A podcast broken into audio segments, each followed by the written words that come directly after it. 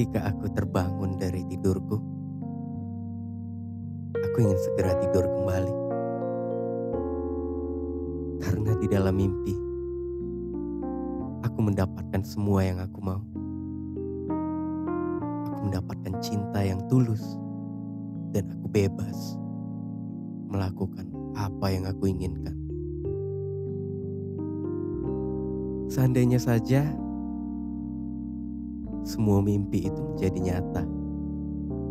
Sungguh, aku akan amat sangat bahagia. Karena di dunia nyataku, aku tak boleh bermimpi. Aku tak boleh menjadi seperti yang aku mau. Di duniaku yang nyata, semua orang menginginkanku menjadi sama seperti mereka. Aku merasa seperti anjing yang harus patuh kepada tuannya. Harus selalu menjadi orang yang munafik dan terlihat selalu bahagia. Semuanya sudah diatur oleh mereka. Dan aku sama sekali tidak boleh memiliki diriku sendiri.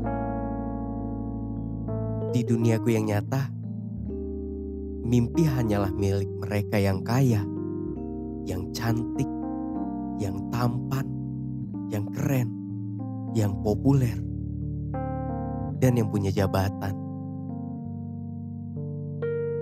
Di duniaku yang nyata, aku hanyalah omong kosong. Mereka selalu berkata ketika bertemu denganku bahwa aku hanya membuang waktu mereka. Dan aku di mata mereka sama sekali tidak berguna. Pernah sesekali ku coba untuk mewujudkan apa yang kuinginkan di duniaku yang nyata. Tapi semua orang di sekelilingku menertawakanku, meremehkanku, mengejekku, menghinaku, dan berusaha terus-menerus setiap waktu membunuh impianku. Aku sama sekali tak boleh menjadi diriku.